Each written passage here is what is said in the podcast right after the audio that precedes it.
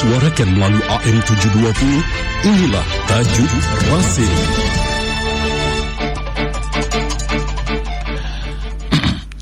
Tajuk Radio Silaturahim edisi Kamis 10 Syakban 1444 Hijriah bertepatan dengan 2 Maret 2023 diberi judul Radio Cawang Salawat Asgil pernah menjadi corong persatuan umat Islam di Betawi sebuah tulisan dari hidayatullah.com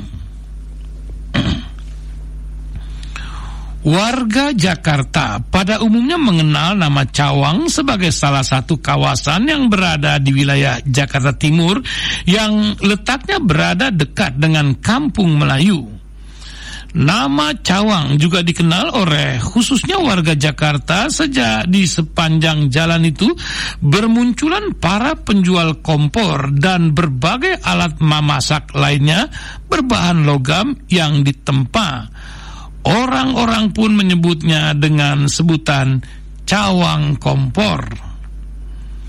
Konon, nama cawang diambil dari nama seorang letnan Melayu yang bekerja pada seorang Belanda pada abad ke-18. Orang-orang di masa itu memanggilnya Enci Awang yang berarti paman Awang. Istilah menyebutkan kaum lelaki dalam kekerabatan bangsa Melayu, terutama di Sumatera, Kalimantan, dan Malaysia. Enci Awang bersama Kapiten Wan Abdul Bagus, atasannya yang bekerja pada Belanda itu, disebut-sebut pula sebagai pendiri kampung Melayu yang sekarang masuk dalam kecamatan Jati Negara.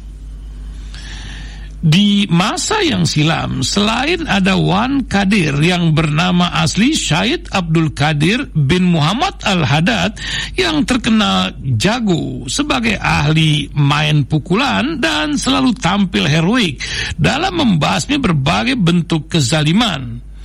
Di masa yang sama pada abad ke-20 di Cawang pernah bermukim Bang Sairin, salah seorang pesilat ber, e, beraliran kebatinan yang kesohor. Bang Sairin atau ada yang memanggilnya dengan Bapak Cungak dituduh oleh pemerintah Kompeni Belanda sebagai dalang kerusuhan di daerah Tangerang pada tahun 1924. Ia juga dinyatakan terlibat dalam pemberontakan Entong Gendut di Condet yang berlangsung sekitar tahun 1916. Ternyata nama Cawang menjadi semakin terkenal ke hampir seluruh pelosok seantero negeri bahkan sampai ke negara jiran sekalipun.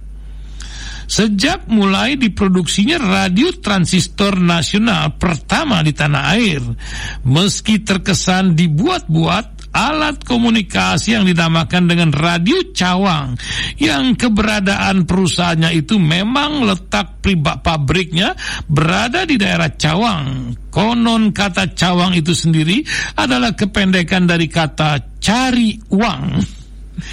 Radio Cawang yang mulai diproduksi pada tahun 1950-an itu dapat dikatakan sebagai radio transistor teknologi pertama di Indonesia untuk menggantikan radio lama yang sebelumnya masih menggunakan tabung hampa dan lampu sebagai penanda radio tabung itu akan dinyalakan.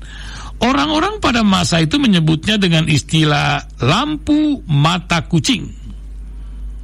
Radio Cawang yang diproduksi sebagai penanda kebangkitan produksi radio transistor modern nasional itu menurut pelopornya almarhum Dr. Andes Haji Taib Muhammad Gobel didasari oleh semangat nasionalismenya yang menginginkan adanya alat komunikasi baru untuk menciptakan integrasi bangsa di awal kemerdekaan. Bagi warga Jakarta, Keberadaan radio transistor yang dioperasikan menggunakan bat, batu baterai tersebut telah membawa corak baru pada perubahan gaya hidup di masanya. Demikian pula dengan siaran radio Asafia yang mengudara berkat sosok karismatik Allah Yarham Kiai Haji Abdullah Safi'i, ulama Betawi sebagai pendirinya pada tahun 1967.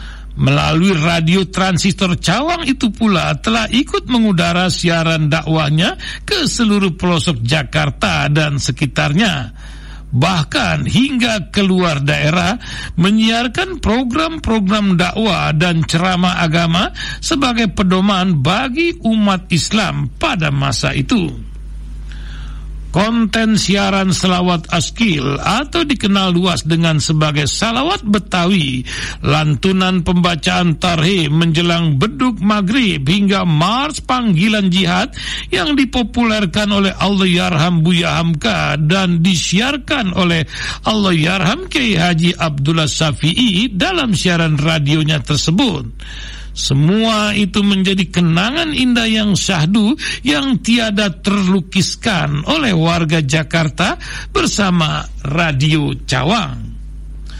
Salawat Asgil yang dahulu akrab amat akrab di telinga kaum muslimin karena sering terdengar dari masjid-masjid dan musola-musola menjelang maghrib yang juga pernah menggema dan menjadi trademark muslimin di Betawi yang berkumandang sepa, sepeni, eh, sejak senja lewat radio Cawang sepanjang senja.